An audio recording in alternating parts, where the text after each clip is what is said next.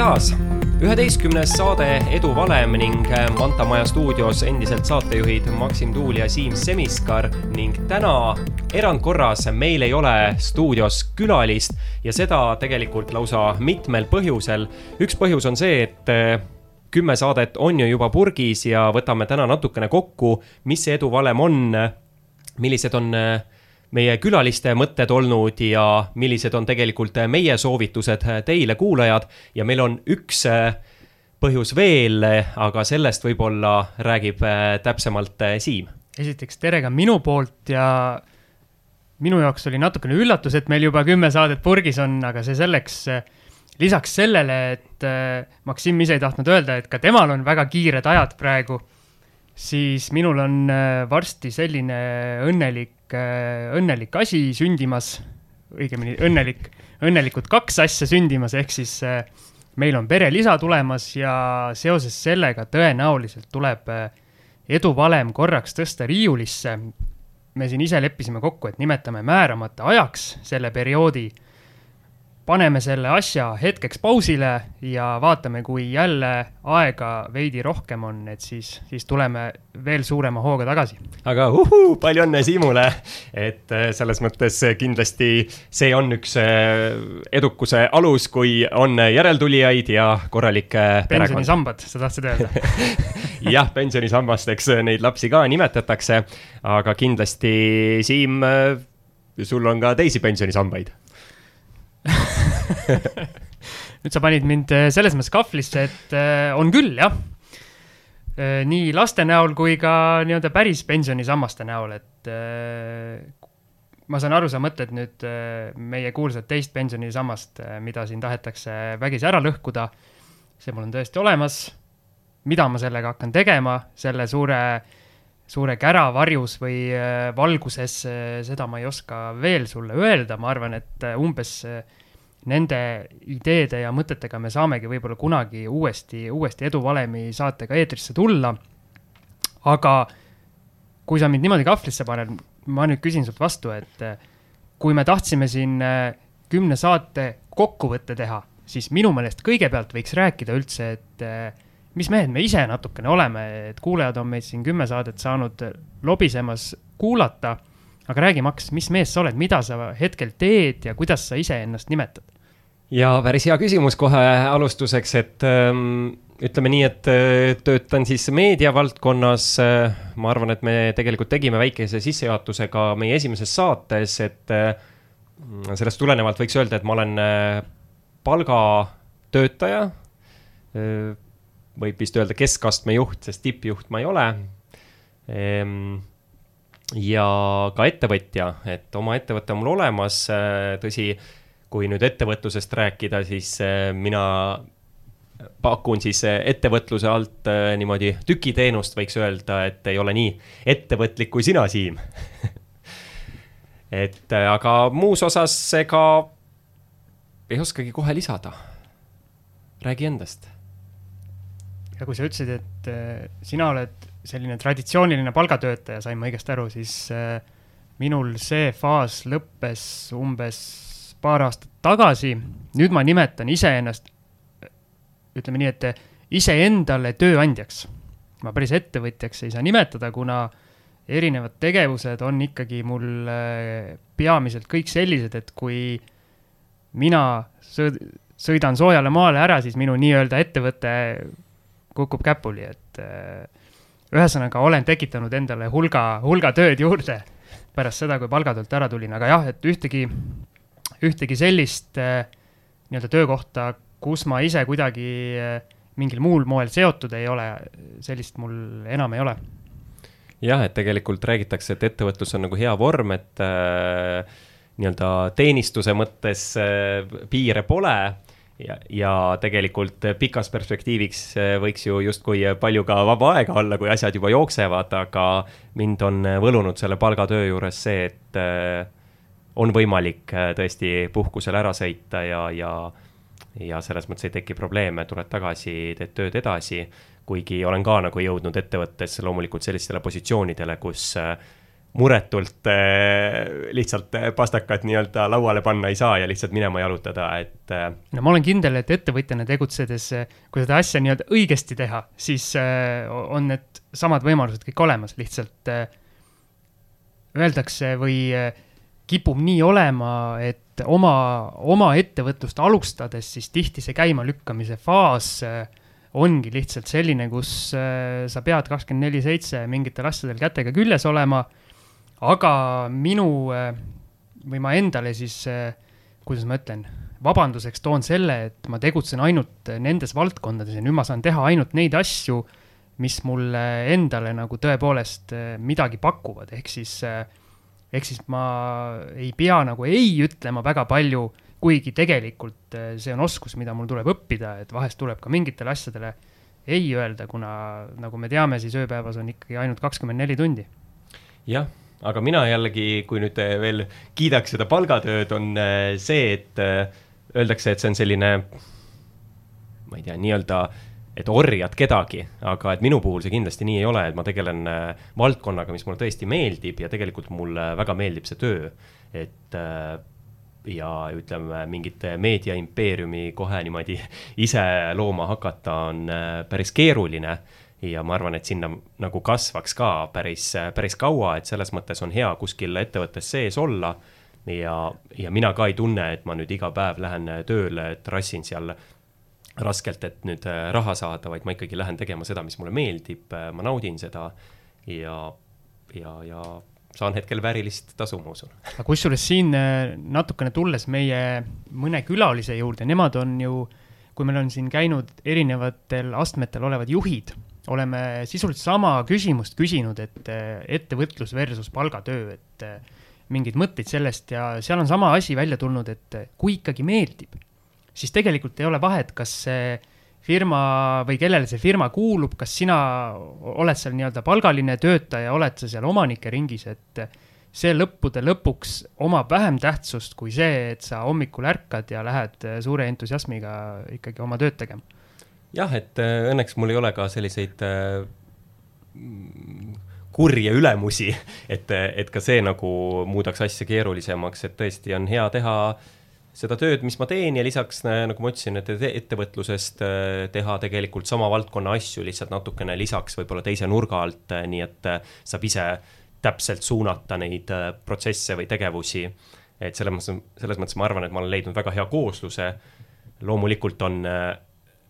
oht natukene mõlemale poole, et üks, üks võimalus, et seda, neid isiklikke projekte tuleb nii palju, et tuleb täielikult üle minna ikkagi isikliku ettevõtte tegemistesse või siis teistpidi, et kui töötajana jõuad päris tippjuhi positsioonile, et siis loomulikult ei ole aega võib-olla enam tegeleda nende väikeste projektidega, aga kuna mõlemad mulle meeldivad, siis ükskõik kummas mul edukalt läheb, siis ma olen väga, väga suure rõõmuga valmis loobuma teisest poolest aga kuna me teeme seda podcast'i rahajutud.ee portaali alt justkui, et äh, ma tean, et sa tegutsed ka, kuidas ma ütlen, mikro, väike või hobiinvestorina, et vali ise see eesliide sinna. räägi, kuidas investeerimismaailmas läheb. Jah, mulle tegelikult meeldiks hoopis, et äh, võiks olla staarinvestor. Et siis ma saaksin ka staar olla, et äh, kuigi keegi ei tea muidugi minust kui investorist midagi investeerimismaailmas olen mina tegutsenud selles mõttes äh, üsna hajutatult, võiks öelda, et mul on äh, väikesed äh, või suuremad investeeringud kõikides varaklassides ja ma leian, et ma ei ole võib-olla kõige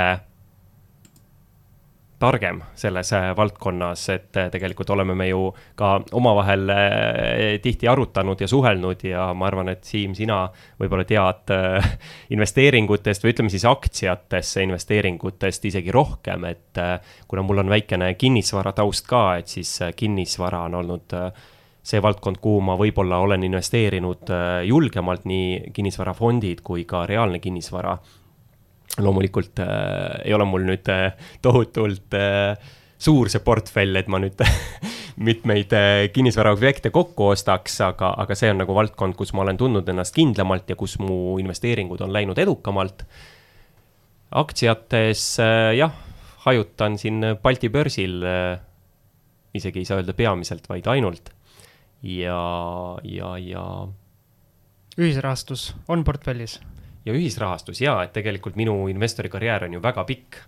et äh, noh, kas väga pikk, aga juba kümme aastat saab kohe täis, et kaks tuhat üksteist oli see, kui ma esimesed, ma ei mäleta, kas see oli viis või kümme eurot või, või viiskümmend Pandorasse panin ja sealt nagu see algas. ja ühisrahastuses jah, mitmes äh, kohas on praegu rahad sees ja, ja, ja kasvab ja mina ühisrahastust otseselt ei karda. et loomulikult äh, peabki jälgima, et äh, milline on järelturu võimalus, et mulle meeldib ühisrahastuse investeeringuid hoida hästi likviidsena, eriti praegusel ajal, kui võib tekkida äh, vajadus rahasid ümber paigutada ja oht ka mm, kriisiks, ütleme siis nii. sina oled see kriisiootaja? Ma natukene olen kriisiootaja, tegelikult hakkasin ka juba päris ammu ootama, aga ma hakkasin seda selles mõttes ootama Äh, mitte niimoodi, et äh, võtame nüüd kõik investeeringutest välja ja paneme selle raha padja alla, vaid hakkasin ootama nii, et äh, ma muutsin oma investeeringud üsna likviidseks, ehk siis ma saan hästi kiiresti muuta neid rahaks või siis ühest vormist teise. nüüd ma saan aru, miks meie eelmine saade Kaarel Otsaga, börsijuhiga, algas just nende küsimustega, kus sina tahtsid või nõudsid mehelt küsimusele vastust, et millal see kriis siis ükskord algab ja,? jah, jah, ikka isiklikud huvid on need, aga Siim sina ikkagi rahajutud.ee peatoimetaja lausa ja, ja oled sellesse investeerimismaailma nüüd äh, viimastel aastatel väga tugevalt sisse läinud, et räägi oma investeeringutest. no ja minul nii pikka karjääri pole, ma kümme aastat tagasi ei teadnud, äh, mis asi või mis firmad Balti börsil üldse on. mäletan kunagi nii palju teadsin, et oli selline asi nagu Talse, mida iga õhtu Aktuaalse Kaamera kuskil all servas lugeda sai, aga mis see täpselt oli, seda ma siis ei teadnud no ma vahel ütlen ka, et aktsiatesse investeerima hakkasin ma ka alles äkki kolm aastat tagasi või midagi sellist. aga miks sa mulle ei öelnud aastal kaks tuhat üksteist, et selline võimalus nagu Pandora eksisteerib vot seda ma ei tea, seda ma ei tea, anna andeks, sõber ühesõnaga, mis see küsimus oli? et eh, millised investeeringud sul tänasel hetkel siis on ja kuidas on läinud ah,? nagu sinulgi eh, võib vist öelda, et eh, pea kõik varaklassid on esindatud, alates siis kinnisvarast, ka ühisrahastus, ühisrahastusest sai, sai tegelikult ka minu investeerimisteekond alguse, kuna see on, ma arvan, see on Eestis väga paljudel lihtsalt see alustamislävi on nii madal, siis aktsiates samamoodi, peamiselt Balti börsil, et on LHV-l selline asi nagu ka kasvukonto, et läbi selle on ka mingeid nii-öelda ülemaailmseid fonde, aga see on niisugune marginaalne protsent. ja niimoodi see portfell kokku tulebki. Jah, midagi ära ei unustanud, krüptosse investeerinud ei ole. sama siin. no võlakirjad, ma arvan, on ka meil mõlemal kindlasti. jah, no ma, ma nagu võlakirju peamiselt võtan kui nii-öelda börsil kaubeldavat instrumenti, et see on sisuliselt minu jaoks on see üks ja sama või noh, nad käituvad nagu suht sarnaselt. Jah, võlakirjadesse. aga pangahoiuseid sul ei ole kuskil null koma null viis, viie protsendiga tiksumas? kusjuures, kui, kui sa niimoodi ütled, siis minu investeerimiskarjäär just äh, hoiustest kunagi saigi alguse, et ma, ma kunagi võib-olla isegi rohkem kui kümme aastat tagasi proovisin, äh, ma arvan, kui ma esimesed, esimesed palgad kunagi kätte sain äh, siis ma proovisin need hoiuste värgid ka ära, siis olid muidugi tunduvalt kõrgemad protsendid ja siis tasus panna. jah, et tegelikult jah, kui ma veel neid hoiuseid ka juurde arvestan, siis võib-olla mu karjäär no. on isegi pikem, et seal ma mäletan, olid jah, kolm, neli ja viis ja tegelikult mingil tipphetkel minu arust, ma mäletan ühte suurt plakatit seal äh, Liivalaia ristmikul äh, Tallinna kesklinnas, ütlen igaks juhuks ehm, kus oli, et Bigbank äh, pakub kaheksa protsendiga, ma ei mäleta siis, kui pikaks ajaks see oli või kuidas täpselt, aga, aga mingi selline plakat seal üleval oli. et, et nii suured intressid on tõesti kunagi olnud, et. ja mina nelja ja viite mäletan ikka väga selgelt, et seal sai ikka nagu mõeldud, et oh, kui tasuta nii-öelda raha antakse, siis miks mitte, aga ilmselt noh, tollane finantsharidus nagu ei tabanud ära, et see inflatsioon teiselt poolt on äh, ilmselt suurem jah, aga eks kindlasti olid need hoiused selles mõttes kasulikud, et äh, parem äh, väike protsent kui üldse mitte. et nagu tegelikult tegelikult Kaarel Ots ütles eelmises saates, et noh, et kui säästad ja, ja sealt inflatsiooniga midagi ära kaob, et siis sul vähemalt on see sääst olemas äh, raskeks ajaks, aga kui sa üldse ei säästa, noh, et siis ei ole sedagi. jah, vot see, kui me nüüd natukene tuleme siia poliitikaradadele ja selle sinu poolt saate alguses välja toodud pensionisammaste juurde, siis äh, minu jaoks see argument äh, ongi nii-öelda kõige nagu sisutühjam või naljakam, kui räägitakse, kuidas pensionifondides raha põleb või äh, ütleme nii, et tulevikus sealt mitte midagi ei saa, sest tegelikult äh, ükskõik äh, kui rahulolematud me oleme nende fondide tootlusega, mis kindlasti ei ole olnud head, ka, no, ka kaugel sellest ja need fonditasud on olnud liiga kõrged ja absoluutse väljamaksete süsteem on olnud halb ja kõik erinevaid vigu on olnud. aga seda ei saa öelda, et kui nüüd kolmekümne aasta pärast inimene läheb pensionile, et ta sealt vähem raha kätte saab. jah, et see, mida sa oled ikkagi kogunud, see ja. on jah, ikkagi olemas see ei ole nii, et sa kogud ja paned kuskile musta auku ja lõpuks mingi pangamees tuleb ukse peale vastu, laiutab käsi, ütleb, et sorry, et sul on nüüd tühjad pihud. sest see, mis on ikkagi kogutud, see on alles, seda õpetas äh, mulle või õpetasid minu vanemad mulle kunagi ja mulle meeldis väga raha koguda ja sellest kontseptsioonist saan mina aru, mis on kõrvale pandud, see on kõrvale pandud, on ta siis inflatsiooni poolt üks või kaks protsenti kuskil suunas liikunud, äh, see suures plaanis ei oma ju mingit tähtsust jah, aga ma nüüd äh, vahetaks natuke meie vestluse suunda ja meie saate nimi on ju Eduvalem ja oleme seda eduvalemit otsinud. Äh, mina seda kohe nagu öelda ei oska, mingit võrrandit siia, et seekorda see võrdub see, aga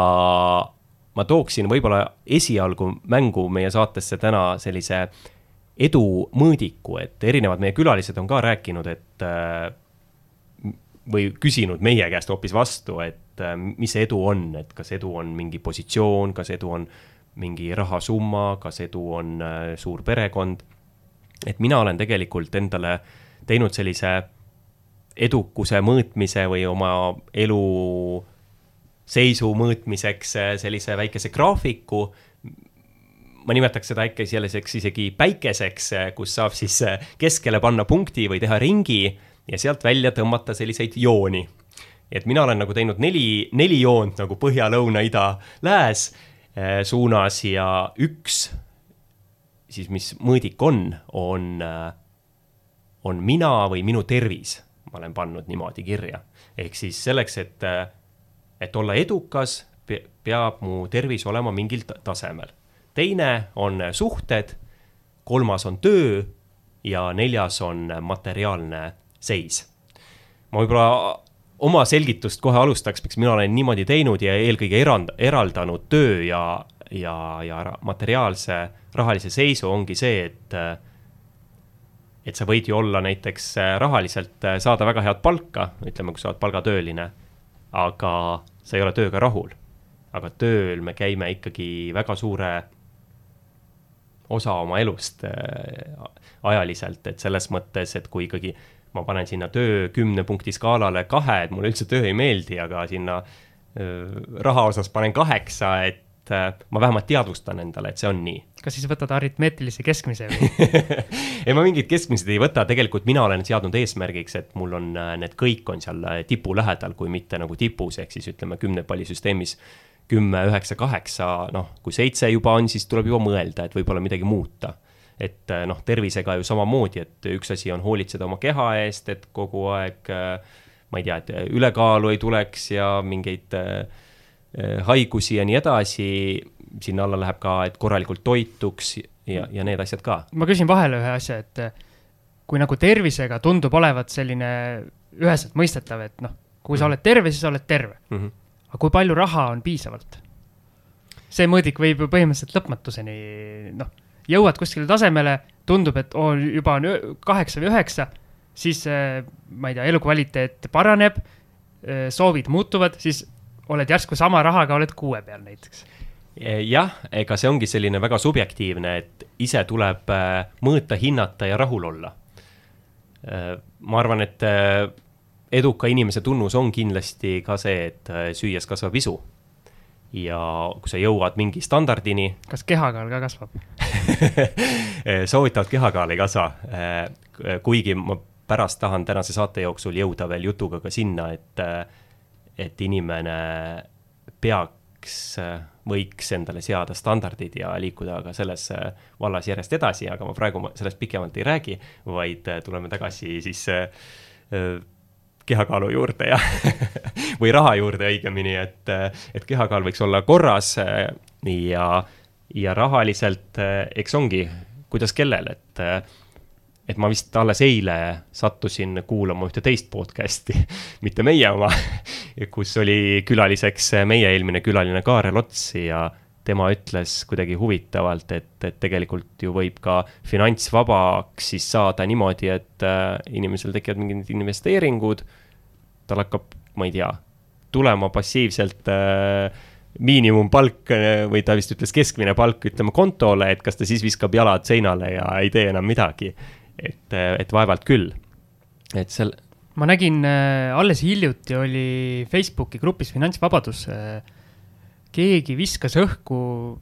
üsnagi nii-öelda minu jaoks tegelikult intrigeeriva küsimuse, kus ta küsiski selliselt, et äh, need, need inimesed, kes te olete juba jõudnud finantsvabaduseni, mida te teete oma päevaga? kuidas te hommikul üles ärkate ja mida te teete? ja siis neid kommentaare, mis sinna alla tulid äh,, oli päris huvitav sirvida, et äh, minu jaoks ikkagi läbiv,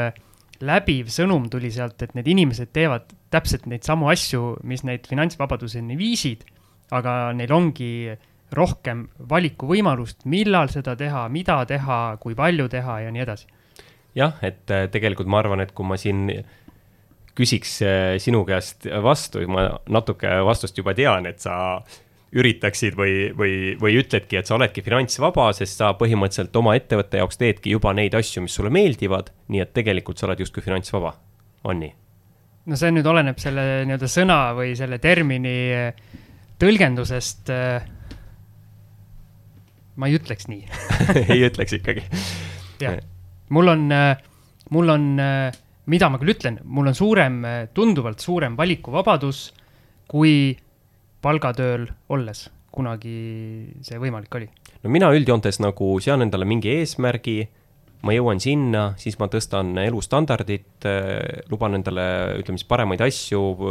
uuem ilusam kodu. uhkem auto. uhkem auto ja nii edasi ja siis ma. siis hakkab kõik otsast peale. ja siis hakkab selles mõttes tõesti otsast peale, et, et on vaja siis veel suuremat, ütleme siis sissetulekut, on ta aktiivne või passiivne. ja siis saad mingi hetk uuesti nagu turvaliselt Äh, tõsta, et mina olen selles mõttes äh, kulutuste osas äh, väga konservatiivne ja, ja ma pigem tunnen, et see nii-öelda baas ehk siis see nii-öelda varade hulk peab olema enne, enne väga tugev vundamendina all, kui ma, kui ma oma elustandardit tõstan. ja, ja, ja sellega on mul hästi läinud. ma jäin praegu mõtlema selle, just selle finantsvabaduse, kuidas ma ütlen, sõnumi või selle sõna üle, et minu jaoks võib-olla see ei tähendagi nii palju seda, no see finants võib-olla on seal nagu veidi üleliigne, et ma võtaks selle isegi ära, et ongi nagu, nagu vabadus. vabadus otsustada enda eest, mida sa teed, aga siin tuleb jällegi see teine, teine pool, et selle vabadusega kaasneb palju suurem vastutus, minu jaoks vähemalt. et näiteks palgatöölisena ma ei tundnud kunagi, mitte kunagi sellist vastutust oma nii-öelda tegemiste ees sest kuidagi ma ikkagi tegin mingeid asju äh,, mitte et mulle ei meeldinud, sest ma sisuliselt tegin ka palgatööd samas valdkonnas ikkagi või samades valdkondades siis. aga ikkagi kuidagi see tunne oli teistsugune, sest ma teadsin, et äh, a la kell viis ma nii-öelda viskan oma kirka nurka piltlikult öeldes ja lähen teen mingeid teisi asju, nagu tegelen oma asjadega. aga nüüd viimased aastad kõik need asjad, mis ma teen, ongi minu asjad mis juhtumisi on ka siis ütleme siis töö, tööasjad, et ma ei tea, kui palju sa sellest segasest selgitusest aru saad, aga, aga just jah, ma tahan rõhutada seda vastutuse kohta, et kui ma midagi ette võtan, siis nüüd ma vastutan nagu enda nimega või äh, nii-öelda ise vastutan. ma mõnes mõttes mõistan sind, aga teistpidi, kas see on olnud minu töökohtade või minu enda iseloomu selline küsimus, et ma olen alati nagu ikkagi tundnud ka palgatööl äh, sellist nagu vastutust, et äh, eelkõige nagu enda eest, enda ees, et äh, kui sa võtad selle nagu kohustuse, et siis ma ei saa mitte seda tegemata jätta, vaid ma ei saa seda halvasti teha, et ma, kui ma võtan midagi teha, et ma tahan seda hästi teha. et, et minu tegelikult sellised võib-olla aeg-ajalt äh, probleemid äh, tööl, ma võiks öelda, tekivadki sellised sisemised, kui ma tunnen, et ma teatud, mis iganes äh, kas äh, ressursside puudumisest või, või mingist muust äh, töökorralduslikust asjast tingituna ma ei saa teha oma tööd nii hästi, kui ma, ütleme, vabalt ise tegutsedes võiksin, võiksin teha, vot siis tekibki selline nagu trots, et ah, nüüd peaks üldse ära tulema. Aga meil see väike päike jäi veel lahkamata, et sai nüüd jah, rahast võib-olla rääkida, tööst tegelikult räägiks siia kõrvale veel, et äh, ütlesin küll, et äh, jah, et võib-olla ebameeldiv töö mõnikord äh, toob palju raha sisse, meeldiv töö ei too üldse, aga. kõige hullem on see, kui ebameeldiv töö ei too ka raha sisse see on jah, päris, päris kehva variant. aga, aga et kui ütleme tööalaselt siis hinnata edukust, kui tuua ikkagi mitte ära unustada meie saate nime, et siis mina leian, et see on jällegi koht, kus igaüks annab äh, ise äh, edukusele hinnangu. et äh, mõne jaoks on see, et ta on juhtival positsioonil, mõne jaoks on see, et ta loob midagi reaalselt oma kätega, mõne jaoks on see see, et ta teeb midagi inimeste heaks, et selles mõttes ka, mm, ma ei oskagi siin öelda koristaja võib olla edukas, et ta tegelikult ju teeb puhtaks nendele inimestele, kes eh, järgmine päev tulevad sinnasamma kohta uuesti, et eh, et selles mõttes see on igaühe enda hinnata ja, ja siit kõrvalt öelda, ma, ma arvan, et see on vale, sest tihtipeale on ju need olukorrad, kus on, tundub eemalt edukas, et oh, et on seal tippjuht ettevõtte eesotsas ja saab seal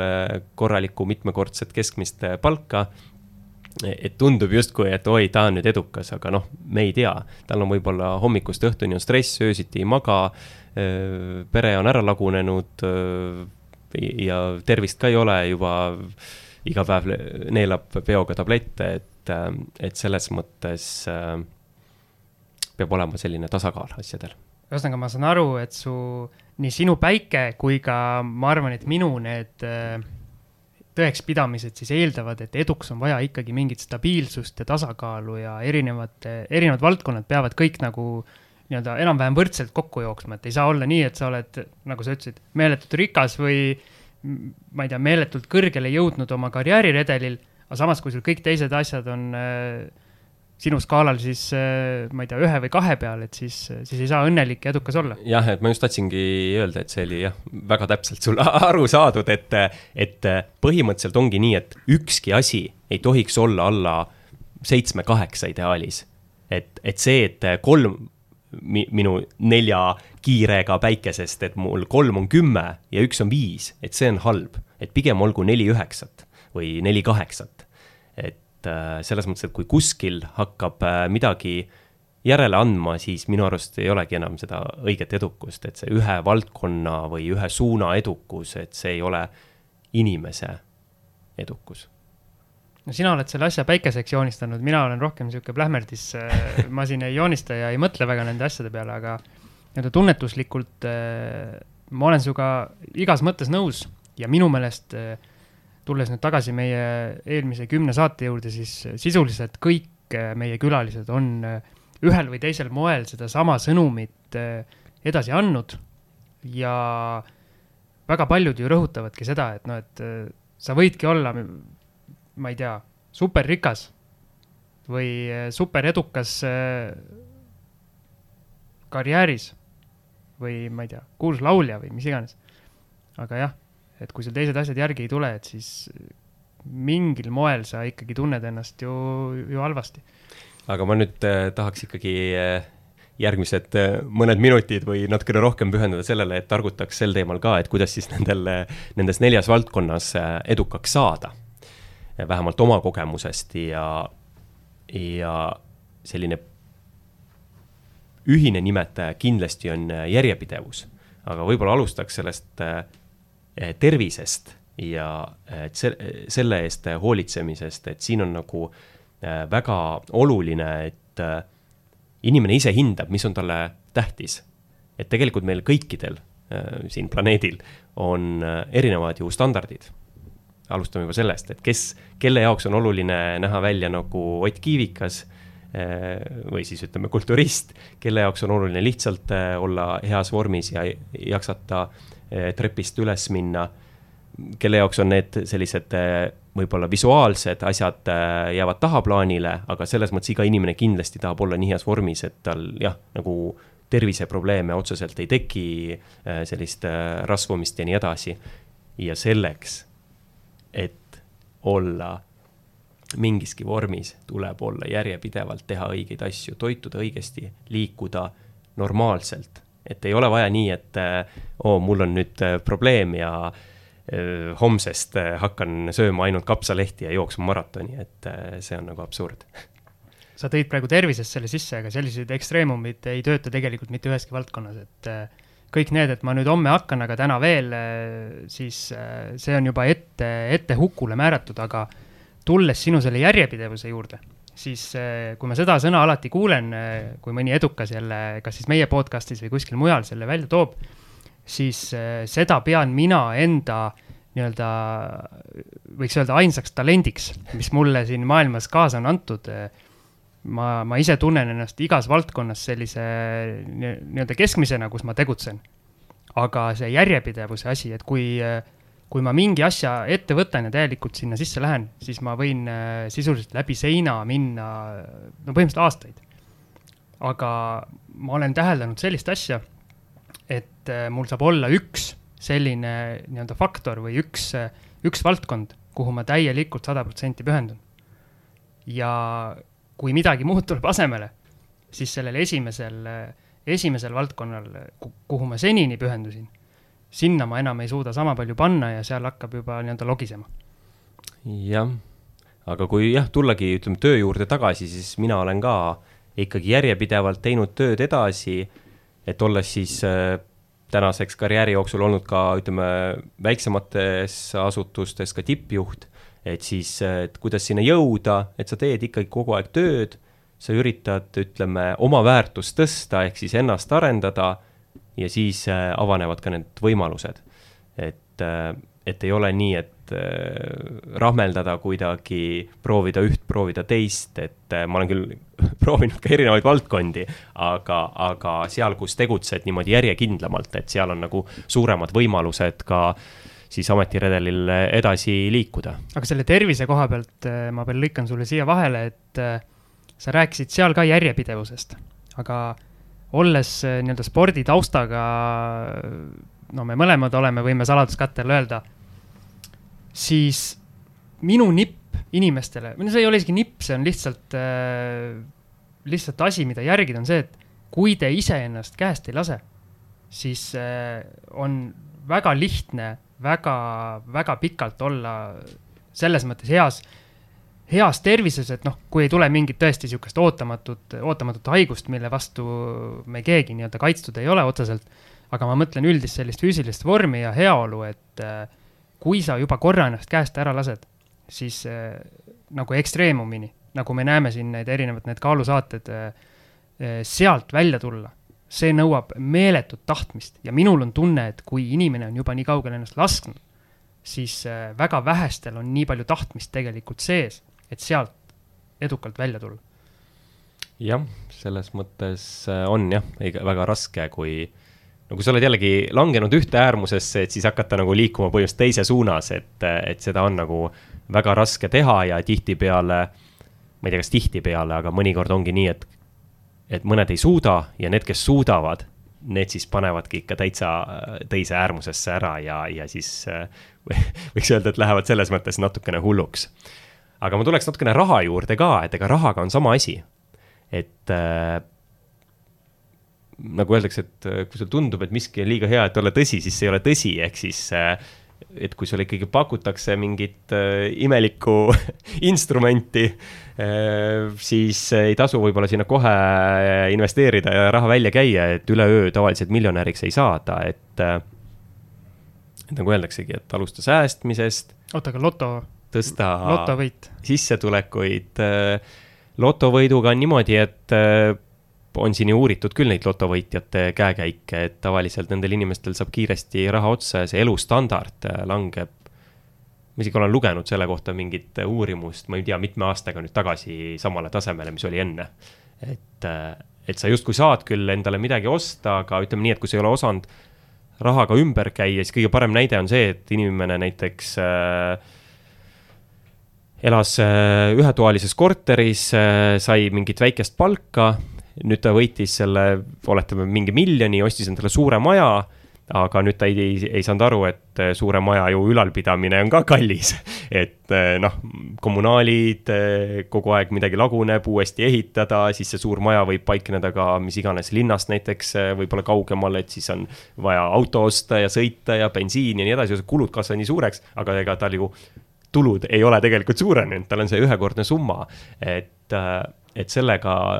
tuleb jah, olla hästi valvas ja selles mõttes tasub olla rahatark aga selle raha ja tervise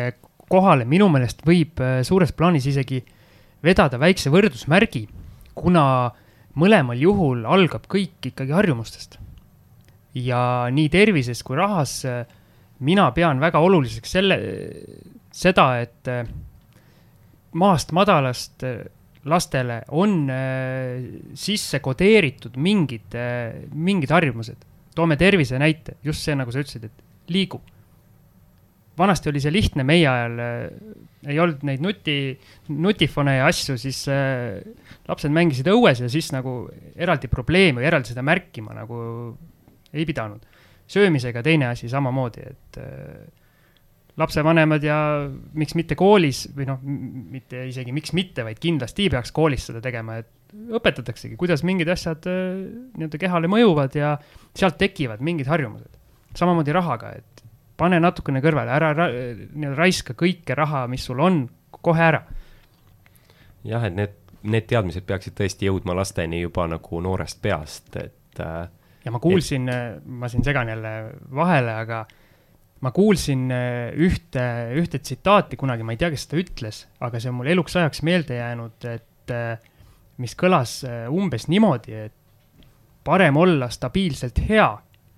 kui kohati ideaalne mis tähendab seda, et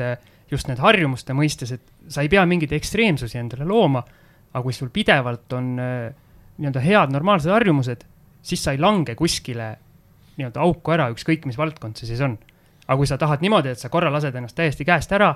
siis võtad jälle, oled ideaalne mingi aeg ja käid niimoodi pendlina, siis äh, minu hinnangul see ei ole jätkusuutlik. Jah, ja siia ma tooks kohe ühe tarkusetera, et loll on see, kes vabandust ei leia, ehk siis taaskord äh, kõikides valdkondades, et äh, et eks igaüks võib öelda, et noh, mul ei ole võimalik säästa, et äh, kes saab väikest palka, et mul on nii väike palk, kes saab võib-olla suuremat, ütleb, et aga mul on nii palju kohustusi ja nii edasi. et tegelikult saab nii miinimumpalgast, keskmisest palgast kui ka kõrgemast loomulikult panna kõrvale. summad võivad loomulikult erineda, aga mingi, mingid säästud võiksid olla tervise puhul täpselt samamoodi, et noh, et, et mul ei ole aega umbes tervislikult süüa või midagi sellist, et tegelikult samamoodi lähed poodi, et noh, et mis sa nüüd ostad, kas sa ostad krõpsu või ostad salati, et. ei no seal ongi see nii-öelda praegust elustiili arvates, sul ei olegi aega, võib-olla sellepärast, et sa näiteks õhtuti kuus tundi veedad teleka ees. aga kas see on see aeg, mis nii-öelda produktiivselt kuidagi aitab äh, sind kas tervises või, või rahas või karjääris edasi? ei aita. ehk siis see kuus tundi tegelikult on sinu vaba aeg automaatselt juba leitud maast, aga inimesed ei taha seda tunnistada. jah, ja äh, loota, et äh, miski muutub, kui sa ise midagi ei tee et see on nagu äh, väga, väga naiivne või minu arust oli see Einstein või kes see oli, kes ütles, et äh, ta vist kasutas isegi sõna idiootsus või lihtsalt rumalus, et on ja, tean, teha ühte sedasama asja ja loota teistsugust tulemust, et äh, et selles mõttes, et jah, et kui te nagu iga päev vaatate kuus tundi telekat ja sööte seal taga krõpsu ja siis kogu aeg selle tulemusena teie sissetulekud ei ole paranenud ja tervis ka mitte, et siis ma võin kinnitada, et kümne aasta pärast on seis ikka sama, aga kui võib-olla selle krõpsu asemel süüa salatid ja selle teleka vaatamise asemel ennast natukene harida, siis äh, võivad muutused tulla päris kiiresti. kahjuks äh, mina arvan seda, et need, kes meie saadet kuulavad, need kõik äh, noogutavad kaasa ja on juba nii-öelda väga kaugel meist edukuse radadel või, või liikumas sinna suunas, et need, kellele me justkui siin epistlit loeme, et need, need inimesed kunagi selle saateni kahjuks ei jõua. ja nende, isegi nende, kuidas ma ütlen, nende jaoks need tarkuseterad äh, ei jõua nende kõrvadeni kahjuks see võib nii olla, aga samas see on ka üks põhjus, miks me seda saadet teeme. et vähemalt meie hakkasime rääkima, võib-olla keegi leiab, võib-olla kuul-, kuulavad meid praegu, ütleme siis äh, natukene juba paremini asjaga kursis olevad inimesed, aga räägivad edasi. et äh, tegelikult me ju lõpuks tahame kõik elada äh, toredas, meeldivas, terves, rõõmsas keskkonnas, et, et mina küll loodan, et järjest nagu oleme eeskujuks, räägime inimestele ja siis kontingent kasvab. ei no siin on, äh, öeldakse ju, et äh, mingi protsent elanikkonnast, minu teada hinnanguliselt neli, kuhu meil nüüd see nii-öelda töötuse määr äh, on liikumas, hinnanguliselt neli protsenti elanikkonnast üldse ei lähegi või ei mõtlegi kunagi tööle minemisel. isegi, isegi kui neil tuuakse piltlikult töö nii-öelda kätte, antakse pihku, et tee nüüd siis nad ei tee mitte kunagi mitte tundigi tööd. sellepärast, et äh, nad ei, äh, no võib isegi öelda, nad on nii-öelda asotsiaalsed inimesed, eks. Aga siis on suur, suur kontingent inimesi, kes, äh, mina ütlen, et mugavusest, mõneti ka võib-olla vähesest haridustasemest või vähestest teadmistest, oskustest, mis iganes, on sellises, ütleme, hallis tsoonis kus nad elavad noh, mõni vähe mugavamalt, mõni nibin-nabin ära ja, aga on selgetes raskustes, ehk siis äh, elamine ei ole nagu mõnus. Need on need, keda me näeme alati kommenteerimas äh, kritiseerimas äh, alati neid inimesi, kes on kuskil edukad või võimu juures või mis iganes, ühesõnaga millegagi silma paistavad, et mis neil küll viga rääkida, et ja nii edasi, eks. aga ma sain isegi ükskord äh, rääkides oma ühe väga hea sõbraga, sain natukene isegi riielda, et minul on äh, väga juurdunud selline mõttemall, et see hall tsoon, need inimesed on tegelikult oma hädades ise süüdi. ma saan aru see, see neli protsenti või mis iganes see protsent neid asotsiaalseid inimesi, neid tuleb aidata, kuidagi üritada tõsta sinna halli tsooni aga see hall mass, nemad on ise süüdi selles, et nad ei ole kuskile jõudnud, teevad tööd, mis neile ei meeldi, saavad vähe palka või mis iganes. välja arvatud nüüd tõesti mingid, mingid ekstreemjuhud, kus äh, on palju lapsi või on äh, nii-öelda mis iganes juhtunud, ekstreemjuhud kas sa ütlesid praegu, et, et sul on juurdunud selline arvamus? jaa, minul on konkreetne selline arvamus, et need inimesed äh, on nii-öelda ise süüdi mina ei kasutaks seda sõna süüdi. no see on võib-olla. ma, ma, ma nagu võib-olla kaudselt mõistan ja nõustun, aga ma tahakski öelda, et need on need inimesed, kes siis peaksid juhinduma sellest, mida me siin mõned minutid tagasi rääkisime. Et selleks, et muutuks elus midagi, pead sa muutma oma tegevusi. just. et ja seda tõesti on nagu raske, raske panna võib-olla mõnikord teistel seda inimest nagu midagi uut tegema ja, ja tal endal sealt hammasrataste vahelt nii-öelda välja pääseda ja uut suunda leida. aga need inimesed ongi need, kes kogu aeg ütlevad, et mul ei ole aega seda teha, mul ei ole raha, et kõrvale panna, mul ei ole seda, mul ei ole neid võimalusi, mis iganes. Kui sa alustad iga lauset sellega, et mul ei ole, siis sul ei saagi mitte kunagi olema. vot sellega ma olen nõus, selle, sellele kirjutan kohe alla, et, et see on täpselt nagu jah et sa ütlesid, et nad kritiseerivad ka, et äh, väga lihtne on alati kõiki kritiseerida, aga pakkuge ikka lahendusi, otsige lahendusi. et ähm, ma väga loodangi, et nende inimeste kõrval on äh, siis keegi, kes võib-olla ütleb selle lause edasi, et, äh, et, et kui sa mõtled, et jah, et ma pean ju iga päev, iga minut nagu rabama, et toime tulla, täitsa ju arusaadav. aga lihtsalt, kui sa jäädki rabama samamoodi iga minut, iga päev siis, siis ongi see maksimum, mis sa võid saavutada, et sa tuled samamoodi toime, nagu sa praegu tuled toime. aga korraks peate aeg, et äh, võib-olla ei ole nagu, kindlasti on inimestel seal kahekümne nelja tunni sees mingid minutid ja tunnid, kus ta teeb midagi ebavajalikku. Ja proovi sel hetkel teha midagi uut, midagi teist, õppida,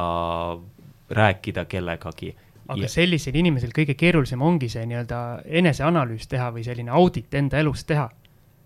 kui sa ütlesid, et inimene ütleb, et aga ma raban, kuidas sa ütlesid, ma ei tea, kakskümmend neli tundi või? jah, iga minut, iga tund. siis mina olen ise kõrvalt näinud, kuidas enam-vähem sellist väidet kasutades inimene töötab kaheksa tundi, siis viskab oma nii-öelda koti selga, läheb koju ja rohkem ei teegi mitte midagi. aga ütleb selle peale, et mul oli nii raske tööpäev, et ma ei jõua midagi teha. eks see ongi selline, ega mina olen ka tihti öelnud äh, mul siin sõbrad kiruvad, ütlen, et äh, ei ole üldse aega, et äh, midagi teha, ei oma hobidega tegeleda ega sõpradega kokku saada. aga mis on tõsi, aga eks see aeg tuleb võtta. et endal on ka mõnikord raske, et juba muudkui teed iga päev, projektid tulevad, ülesanded tulevad ja mõnikord kaob ka see nii-öelda õige suund ära et kui ma tulen oma väikese päikese juurde tagasi, et siis, et, et nagu neli asja balansis oleks, et mõnikord lähed nii hasarti selle tööga või siis mingi raha projekti nii-öelda püüdmisega, et unustad võib-olla iseenda ära, et oh, et täna ei ole söönud või, või unetunde jäi ainult neli või seal äh, kodused asjad ka, et. Äh, vot see on teine äärmus, mida, kus mul oleks abi vaja just see, et äh, mingitel hetkedel seda tegevust tuleb nagu liiga palju. ja siin ongi see, et kohati ei oska nagu ei öelda ja kohati võib-olla hindad oma võimeid üle ja siis kohati unustad selle sinu nii-öelda selle päikese ära, et nii-öelda unustad ära, et peaks neid teisi valdkondi ka ikkagi soojas hoidma siis. no siin ma meie kuulajatele muidugi ütleks, et ega mingil eluetapil loomulikult sa peadki panustama kuhugi natuke rohkem, aga ärge kunagi unustage et miks te seda kõike teete. et eriti, ütleme siin töö ja, ja, ja mingi, ma ei tea, ka rahalise vabaduse püüdmise teekonnal. et ähm, ma ei usu, et kedagi teeb õnnelikuks raha. ma arvan, et inimest teeb õnnelikuks see, mida raha eest saab. ehk siis nagu muudkui püüda seda ja kuskilt taga ajada, et see ei ole nagu. mul on siia üks. eesmärk omaette. üks hea tsitaat jälle taaskord äkki nägin Finantsvabaduse grupis ja nüüd ma tean, kes selle autoriks oli. minu meelest oli selle postitanud kuulus investor ja koolitaja ja ettevõtja Kristi Saare, kelle äkki mingi loengu lõpuslaid oli selline, et eh, ma nüüd jälle ei tsiteeri täpselt, aga mõte oli selles, et eh, raha ei tee kedagi õnnelikuks, aga kui raha ei ole, see teeb õnnetuks. Jah, selles mõttes sellega võib põhimõtteliselt nagu eh, nõustuda, aga põhiline on see, et ärge kaotage jah, nagu fookust ära, kui te lähete mingisse valdkonda, mingisse elu siis osasse nii sisse, et, et tegelikult elus, eh, nagu me oleme korduvalt öelnud, tähtis on see tasakaal, kõikide, kõik asjad peavad hästi olema, mitte nii, et eh, Te tervis on korras, iga päev söön ja, ja hästi ja, ja käin küll eh, jala ja jooksen ka, aga, aga tegelikult ei ole öösiti kuskil soojas magada, et siis on ka kehvasti. aga sa ise ütlesid, et kohati tuleb teha neid nii-öelda spurte, et oletame, sa ei ole rahul oma praeguse töökohaga, siis, siis tihti ongi ainus lahendus näiteks see, et sa oma nii-öelda selle tervise, tervise siis äh, skoori arvelt natukene hakkad kõrvalt midagi muud juurde tegema, et see tulevikus võib-olla sinu äh, nii-öelda põhialaks saab või siis hakkad juurde kõrvalt õppima. või äh, näiteks raha arvelt, et sul on kogunenud mingid säästud, lähed praeguselt töökohalt ära, hüppad külma vette, lähed midagi äh, nii-öelda muud tegema, et ma arvan, sellised nii-öelda lühiajalised spordid tihti isegi on paratamatud. Jah, jah, see vastab sada protsenti tõele, et see on paratamatud selles mõttes, et jah, tuleb ühte osa järgi aidata ja teistpidi see on inimlik, et sul tekib mingi asja osas äh, mingi hetk nagu suurem hasart ka, et seal kindlasti alguses saad kuhugi tööle näiteks, äh, on hasart suur, läheb aega mööda, natuke see hasart väheneb, saad näiteks ametikõrgendust äh, kasvõi samas asutuses, siis uued väljakutsed, tahad jälle ennast tõestada. või siis nagu sul, et varsti sünnivad lapsed, siis tahad ikka nagu perega rohkem aega veeta, näha nende kasvamist, et et, et tekivad need olukorrad tahes-tahtmata, aga aga oluline on säilitada tasakaal ja ma arvan, et siitkohalt lähekski väikesele pausile ja siis võib-olla räägiks äh, täpsemalt äh, ka sellistest asjadest, mis oleks kasulik meie kuulajatele, sest mulle tundus, et vahepeal läks juba natukene mittekuulajatele see jutt. ja oleme Manta majas väikselt mõttepausilt tagasi ja Maksin suure suuga lubas, et nüüd hakkame midagi ka kuulajatele pakkuma pärast viiekümne minutilist salvestust. Mina mõtlen äh, selliselt, et äh, mida meie kuulajad võiks sellest kümnest saatest ja võib-olla natuke ka meie siin plärisemisest äh, endale võtta, on see, et äh, võttagi näiteks seesama Maxi nii-öelda päike eeskujuks, panna sinna enda neli südamelähedast valdkonda, need ei pea olema ju ilm, ilmtingimata samad, mis, mis sina, Max, kirjutasid. ei pea ja neid ei pea ka neli olema, kaheksa või kaksteist või. oletame, paned oma, jääme nelja juurde, neli valdkonda kirja ja siis panedki need skoorid ära ühest kümneni ja vaatad, kus, kus sa hetkel tunnetad, kus sa kõige nii-öelda madalama leveli peal oled. ja võtad endale eesmärgiks seda levelit siis võib-olla natukene nii-öelda kontsentreeritumalt sellele keskenduda ja seda tõsta ja alustada väikestest sammudest. minu meelest need on õpetused, mida ükskõik, mis valdkonna me siin puudutasime, tervis, raha, isegi töö, et sa alustad väikestest sammudest. kui sa mõtled esimese asjana sellest, et ma nüüd saan, äh, ma ei tea, Eesti presidendiks, aga ise käid kaheksandas klassis, siis äh, sealt see üks samm tundub täiesti ebaloogiline. jah, ja ma ütleks kohe ka selle ära, et ärge esimesest nagu tagasilöögist äh, ära, ära ehmuge, et äh, võib-olla kohe ei tule edu, võib-olla alguses äh, tuleb väikene edusamm ja, aga liigume edasi, proovime uuesti ja, ja küll see, küll see edu järjepidevuse najal lõpuks tuleb. loomulikult, kui te ikkagi juba aasta aega või ma ei tea, kui pikalt üritate ühte seda sammu astuda ja ei tule välja, et siis te võib-olla teete midagi valesti, siis tasuks kellegagi konsulteerida või, või võib-olla mingi teema ei sobigi teile üldse.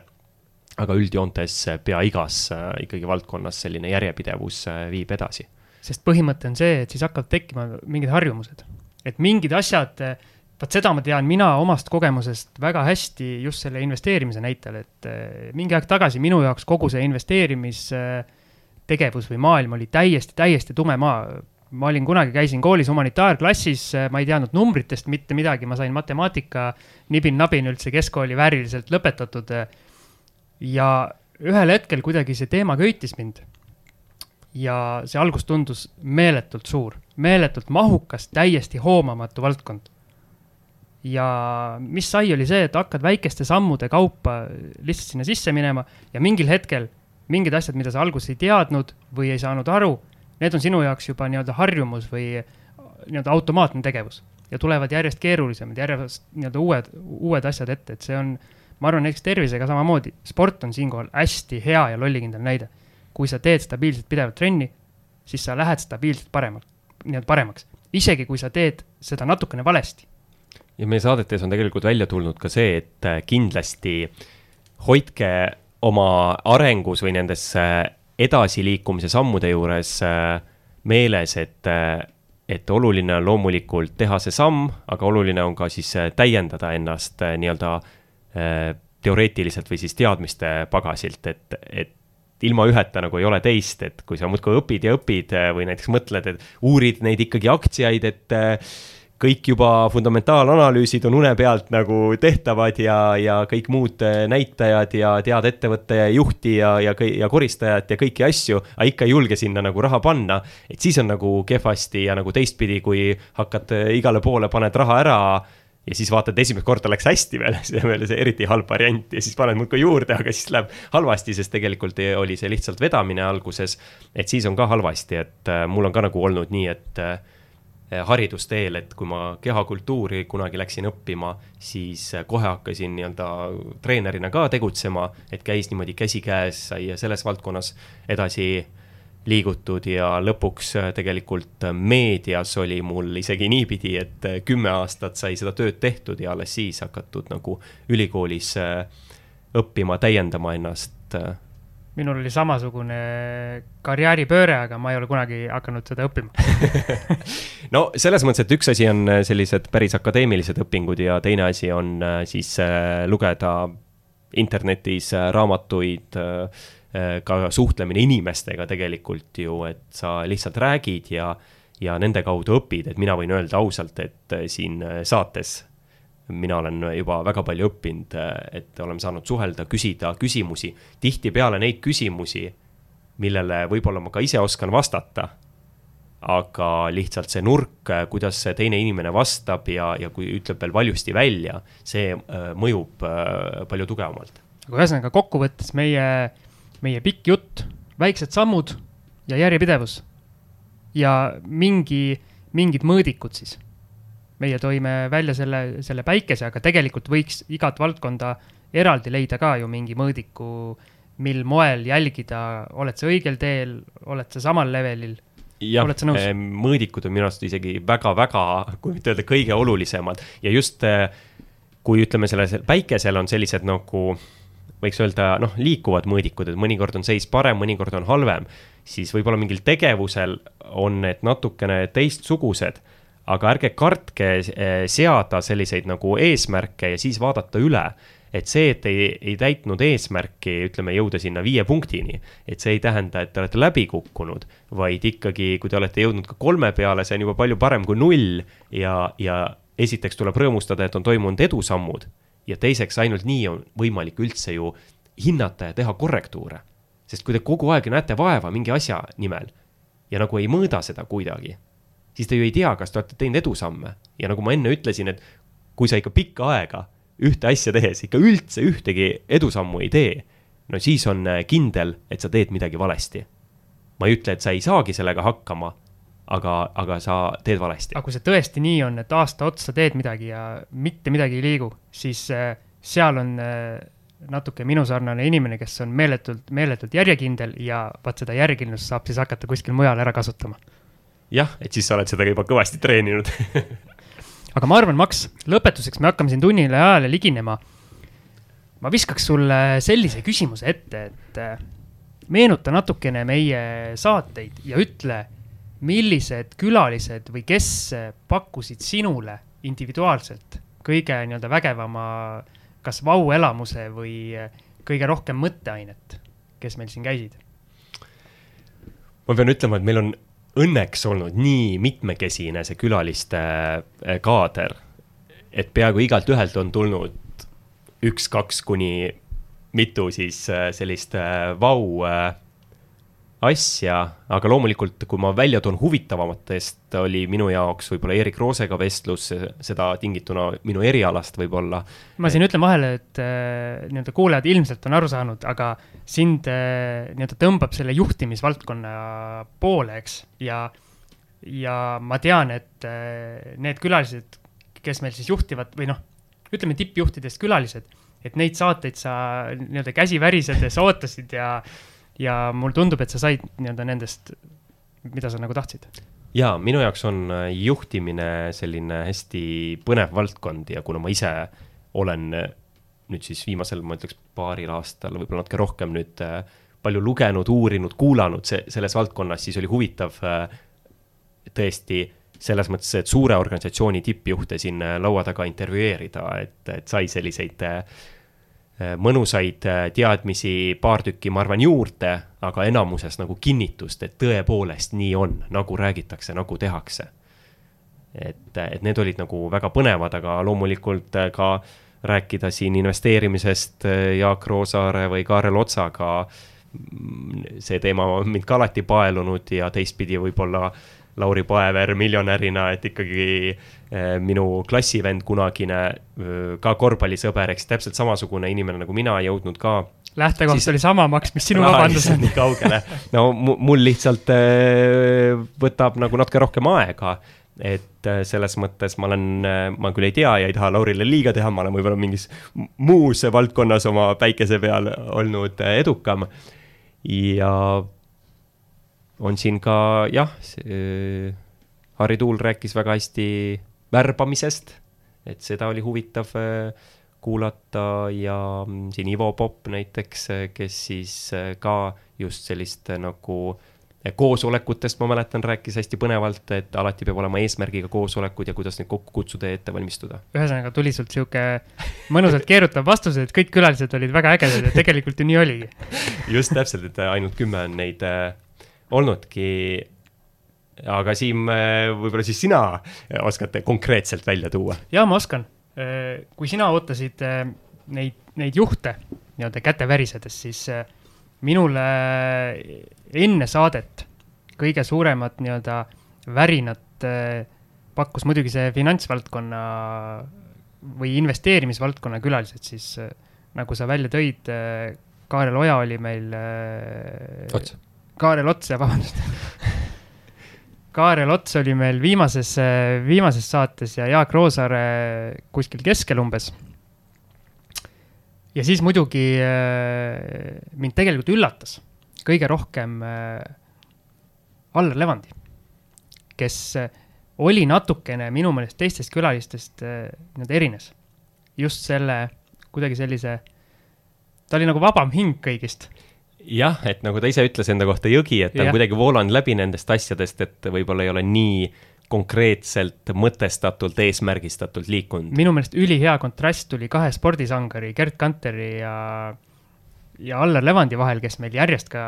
nii-öelda saadetes olid. kus nii-öelda Gerd oli, oli puhas, nii-öelda iga keharakuga andis mõista, et kui sa millegi poole sada protsenti ennast suunad, siis, siis sa lõpuks sinna jõuad. ja Allar Levandi oli rohkem selline, et noh, tegin siin seda ja tegin seda, kõik läks hästi ja, ja selline kuidagi hästi-hästi selline vaba hing, ma ütleks, ja aga kahtlemata edukas aga lõppu ma annaks inimestele veel võib-olla kolm soovitust äh, või sellist märksõna, et äh, kuidas mina igat päeva alustan, mis mõttega üks on siis see, et äh, proovi kasvõi natukene iga päev tõsta oma elustandardit. tee iga päev seda, mida sa tahad või vähemalt püüdle selle poole, et sa saaksid teha seda, mida sa tahad. ja kolmandana, ole hea. mul ei ole midagi öelda selle peale. aga kuulake meid siis ikkagi suuremates podcast'i äppides rahajutud.ee leheküljel olete selle episoodi juba üles leidnud ja nagu saate alguses sai öeldud, siis äh, määramata ajaks äh, teeme nüüd pausi, aga usun, et äh, oleme ikkagi peagi tagasi. ma arvan, Max, me võime vist välja lubada, et ühel hetkel me siia naaseme ja jätkame seda, mis meil praegu siis pooleli jääb. olge edukad. Kuulmiseni